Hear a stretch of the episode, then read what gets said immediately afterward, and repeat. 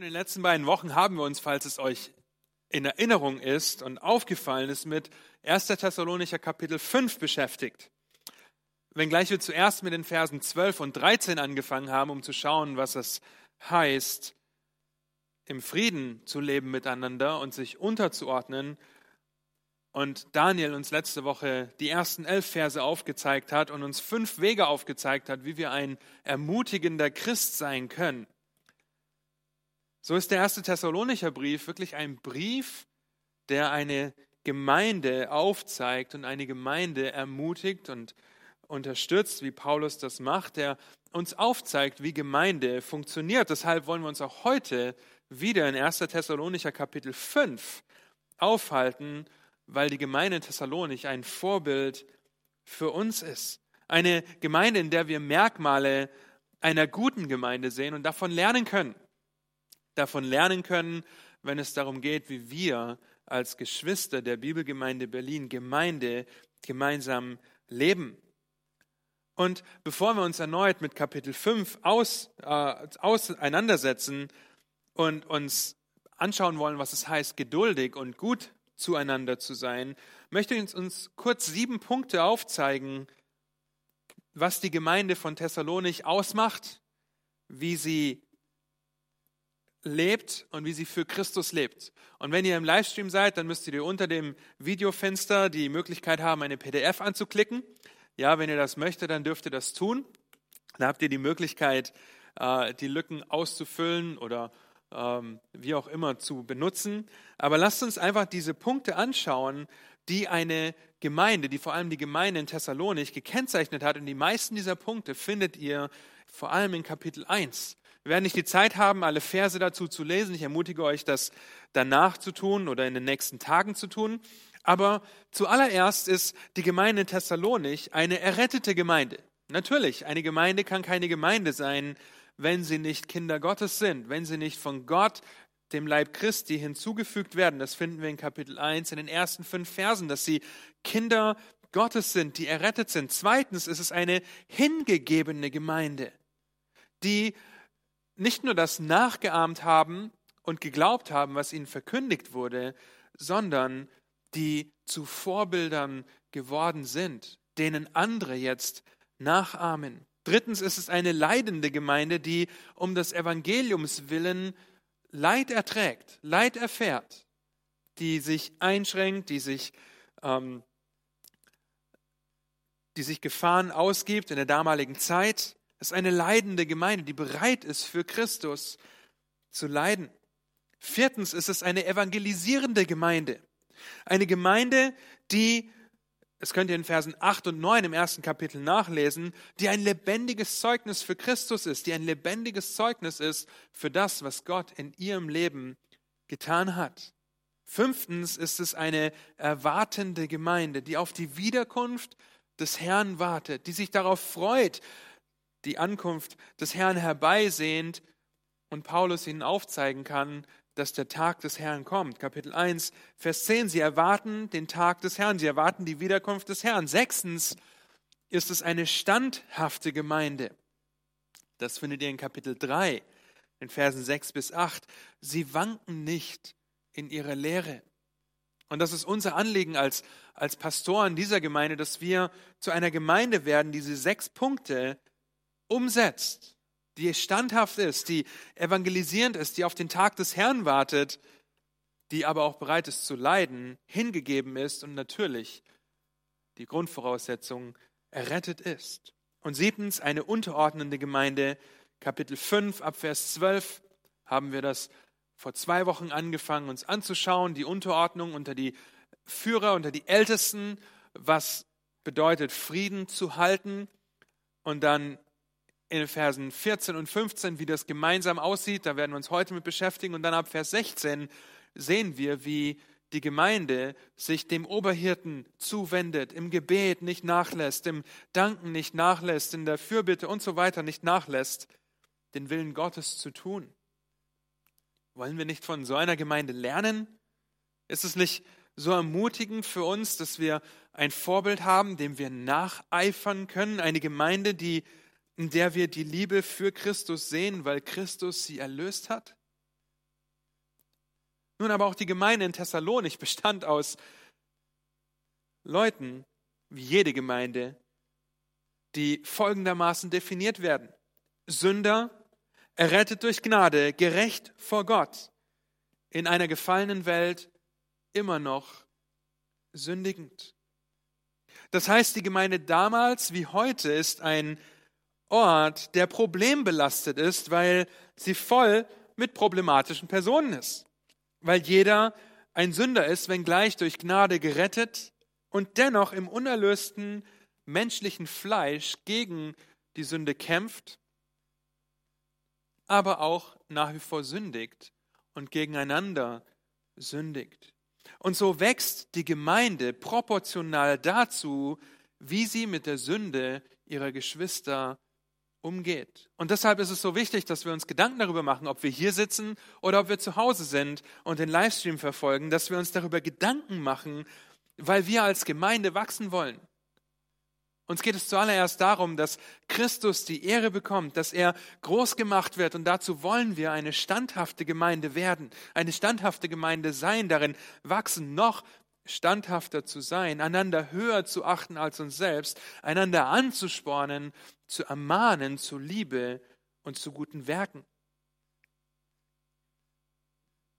Und eine Gemeinde ohne Christus eine Gemeinde, in der das Wort Gottes nicht verkündigt wird, in der wir Gottes Wort nicht ernst nehmen und umsetzen in unserem Leben, durch die Gnade Gottes in unserem Leben, das ist der letzte Ort, an dem wir uns aufhalten wollen.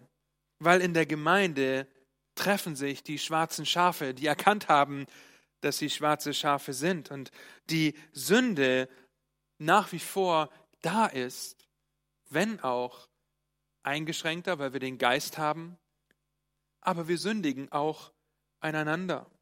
Deshalb finden wir in der Schrift, im Licht dessen, was Christus für uns getan hat, die Einanderaufforderung.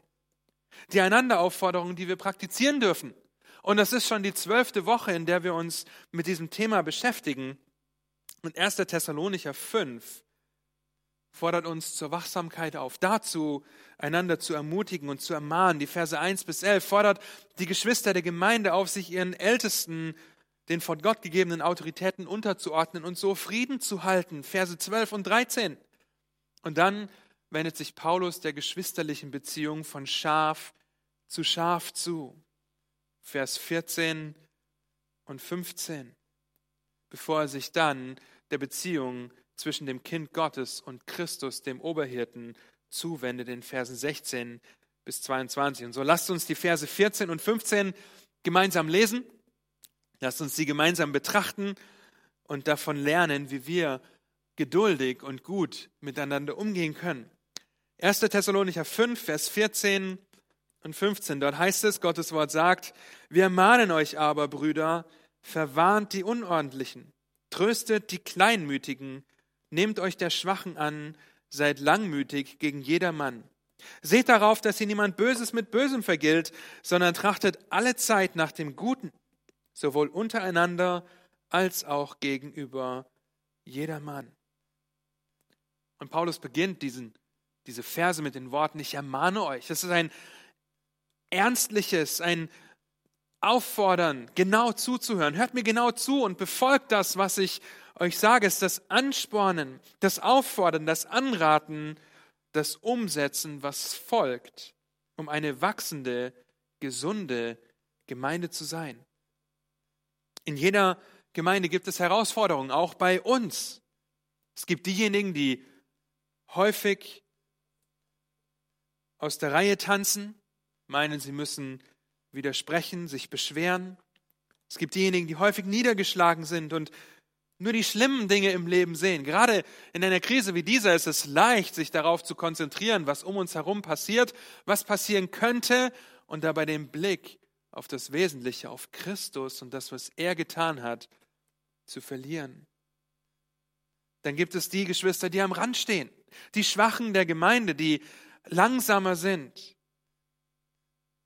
Ihr Lieben, was ich hier nicht sagen will, ist, dass es lästig ist, diese Gruppen in der Gemeinde zu haben aber dass es ein Ansporn ist, darüber nachzudenken, wie wir mit ihnen umgehen sollen. die schlimmste Gruppe, die in einer Gemeinde zu finden sein kann, die das Herz der Hirten und der Geschwister besonders schwer macht, sind die, die Böses tun. In Vers 15. Lästerung, Verleumdung, Wutausbrüche, Widerspruch und Zwietracht sind ihre Spezialität. Und diese Gruppen finden wir in den Versen 14 und 15. Und wir alle sollen uns umeinander kümmern, um diese Gruppen kümmern, von Schaf zu Schaf, wenn ihr so wollt, von Gemeindemitglied zu Gemeindemitglied. Aber bei aller Verwarnung, bei allem Trösten, bei allem Annehmen und Helfen sollen wir geduldig, sollen wir langmütig bleiben. Und manchmal ist das schwer.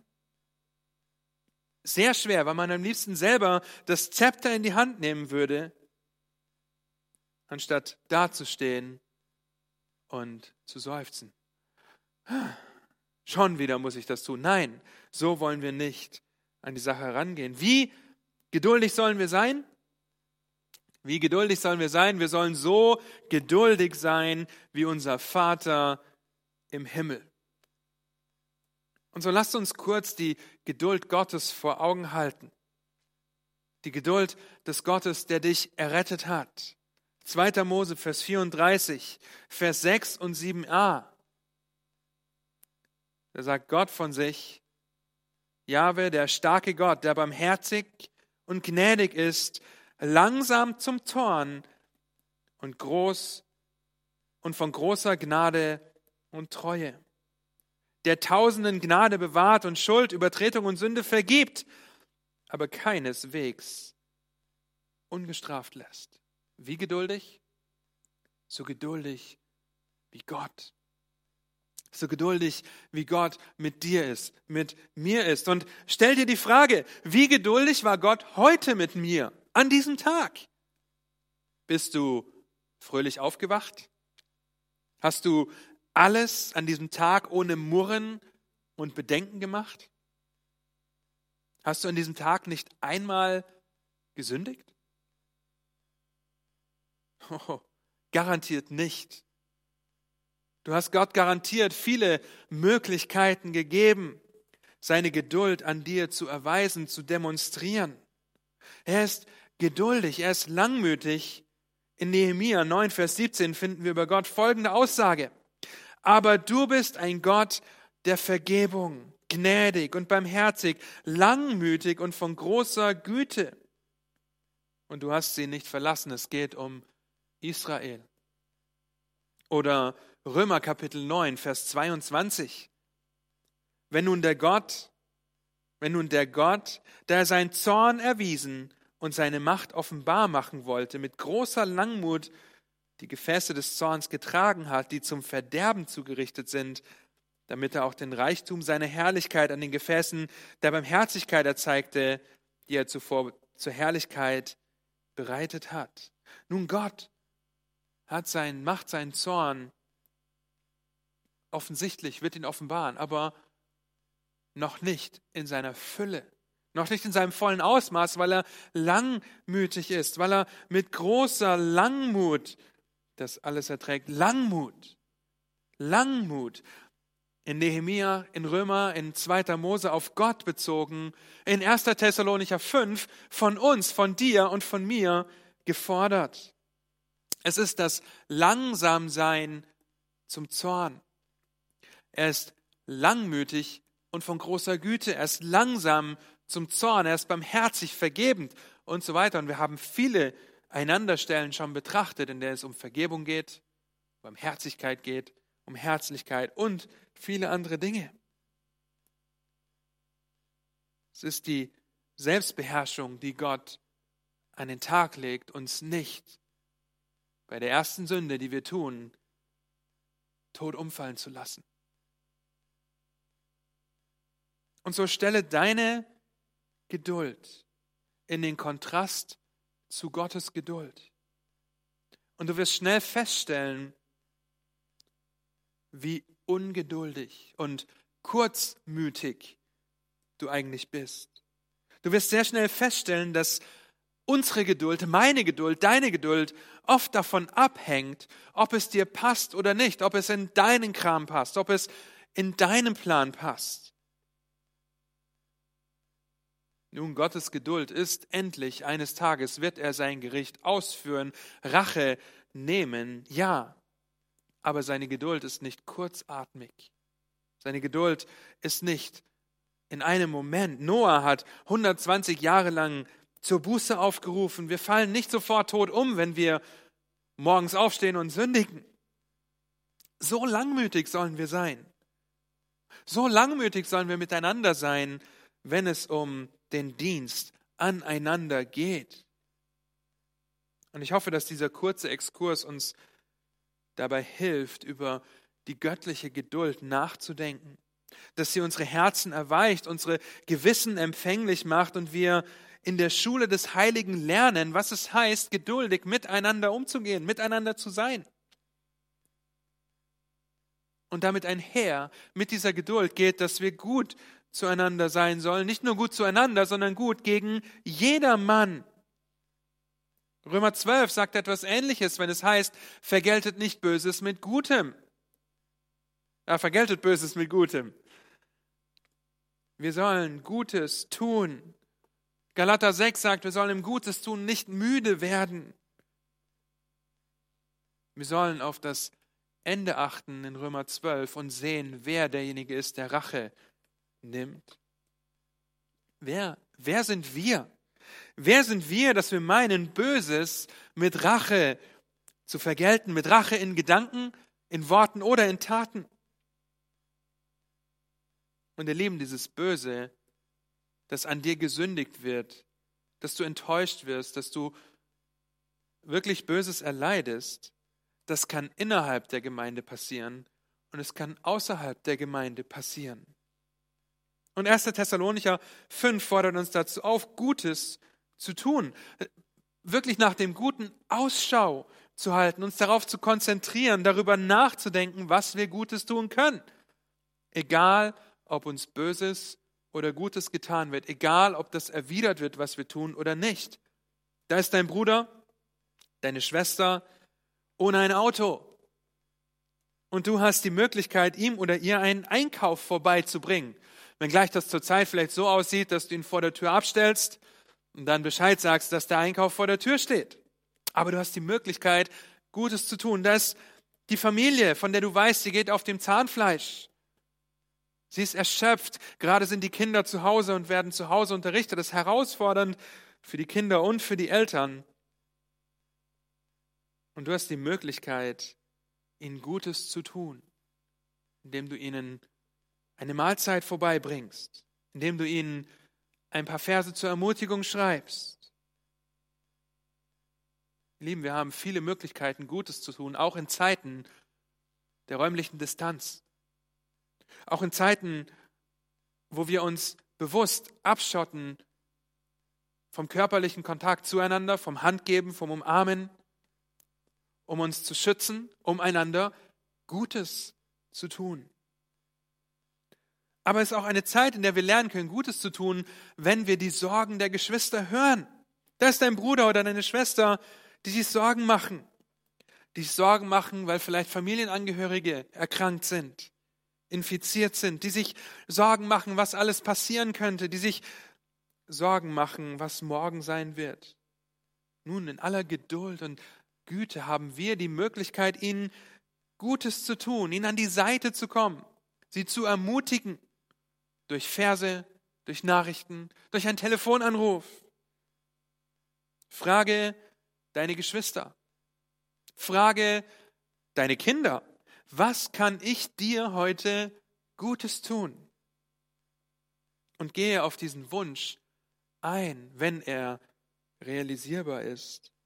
Ohne dem hinzuzufügen, okay, ich mache das, aber ich mache das auf meine Weise. Nein, du möchtest Gutes tun, dich selbstlos aufopfern für deinen Bruder, für deine Schwester.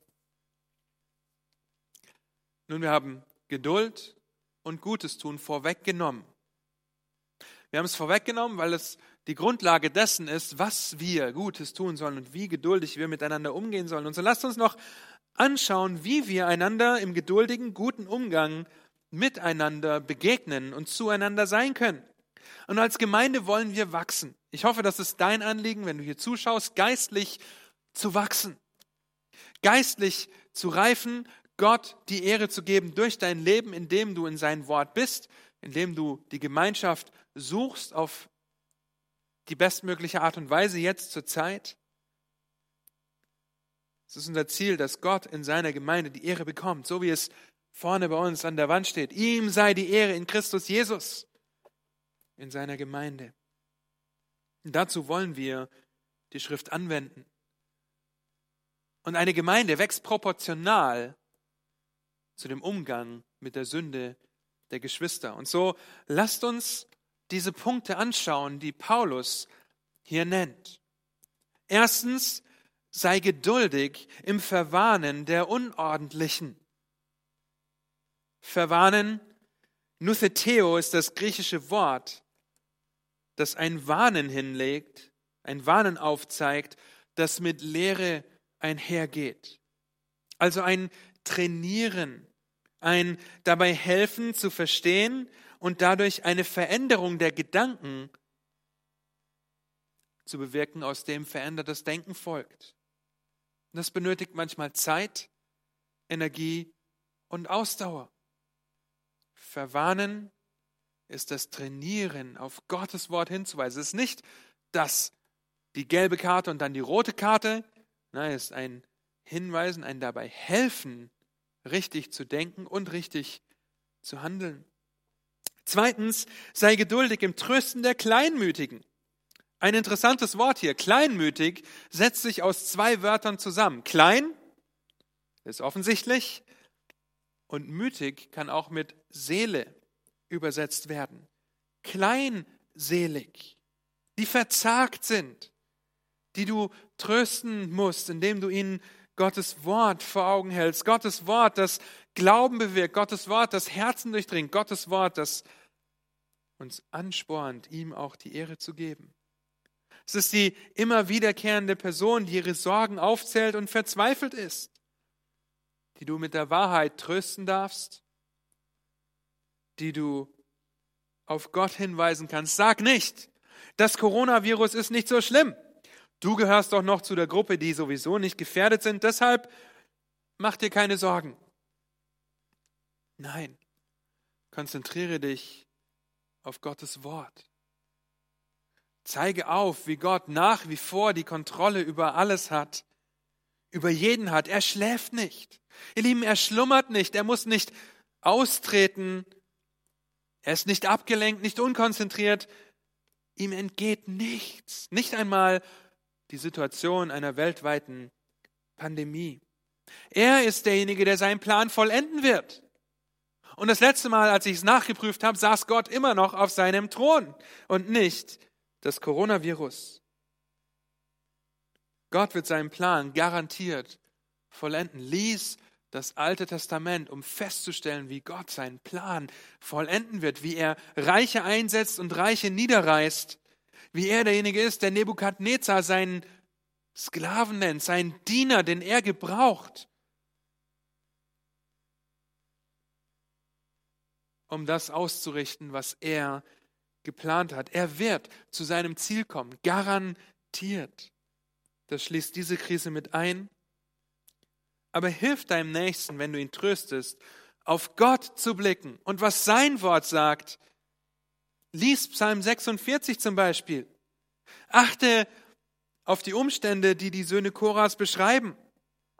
Und dann blicke auf Vers 10, wo es heißt, sei still und erkenne, dass ich Gott bin. Das ist Trost. Das ist wahrer Trost, auf Gott zu blicken und nicht auf die Umstände. Auf Gott hinzulenken und nicht auf die Umstände. Das ist nicht so schlimm. Es wird schon alles gut laufen.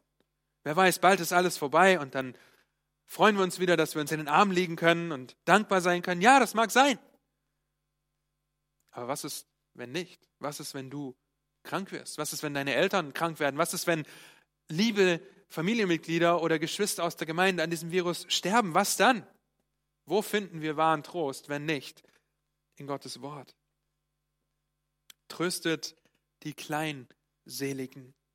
Drittens, seid geduldig im Helfen der Schwachen. Die Schwachen sind wörtlich die nicht Starken. Es sind die Geschwister, die sind wie Kleinkinder.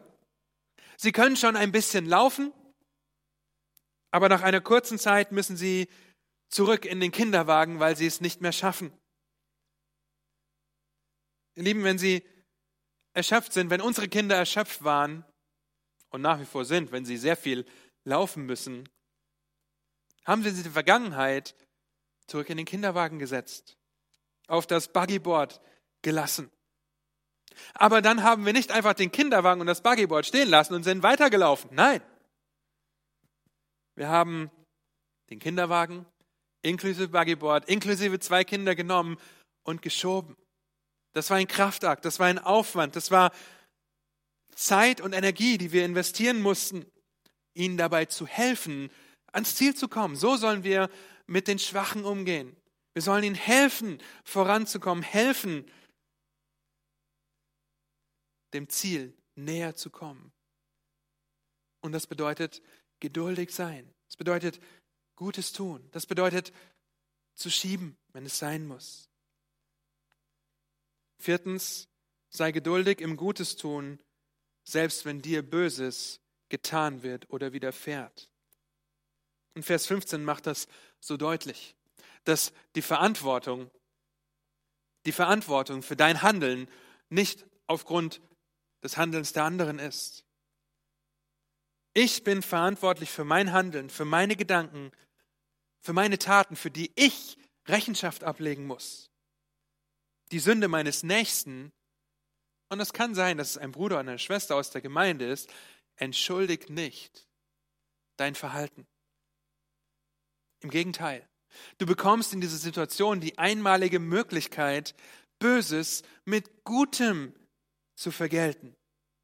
Das kann eine liebevolle Ermahnung oder Konfrontation sein. Das kann ein Kuchen oder eine Karte sein, die du schreibst. Das kann ein darüber nachdenken sein, wie kann ich ihm etwas Gutes tun. Das ist ein Ausschau halten, ein Konzentrieren auf das, was ich Gutes tun will. Ihr Lieben, wir sind erlöste Sünder in einem unerlösten Leib. Und wir werden einander enttäuschen. Wenn du nur genug Zeit mit mir verbringst, dann werde ich dich enttäuschen, garantiert. Aber es gibt einen, der niemals enttäuscht werden kann und der uns nicht enttäuscht. Und das ist Gott, der Vater, der uns erlöst hat in Christus Jesus. Und deshalb wollen wir uns geduldig und im Gutes tun auf ihn ausrichten, auf ihn blicken. Weil wenn wir auf uns gegenseitig schauen, werden wir aneinander sündigen, uns enttäuschen, wütend werden, verbittert werden und Böses mit Bösem vergelten. Weil die Gemeinde ein Ort ist, an dem wir uns nicht aufgrund unserer Vorlieben versammeln, sondern aufgrund unserer Unzulänglichkeit und unserer Erlösungsbedürftigkeit. Ihr Lieben, wir sind hier zusammen, weil wir erlöst sind durch Christus, der das Vorbild im geduldigen Umgang ist, der das Vorbild im Gutes tun ist. Und so lasst uns ihm nacheifern. Lasst uns ihm nachstreben, dasselbe zu tun wie er. Ich möchte euch auffordern, darüber nachzudenken, wie du in der folgenden Woche, in der kommenden Woche, in den kommenden Tagen, wie du Gutes tun kannst, wie du geduldig mit deinen Geschwistern umgehen kannst. Und ein Teil dessen, zum Beispiel nachzulesen, was wir geschrieben haben auf dem Hirtenblog über das, was ich tun kann. Oder die Einträge, die noch folgen werden, wo wir uns einfach auf Gott ausrichten und darüber nachdenken, wie wir einander Gutes tun können, indem wir uns auf Gott hinweisen. So möchte ich dich ermutigen, dir die Anwendung anzuschauen, darüber nachzudenken, nachzusinnen und gezielt danach Ausschau zu halten, wo fällt es mir schwer, geduldig zu sein? Wo fällt es mir schwer, Gutes zu tun und ich möchte daran arbeiten? Gehöre ich vielleicht zu einer dieser Gruppen, die hier aufgezählt werden? Ich benötige Hilfe, richtig zu denken.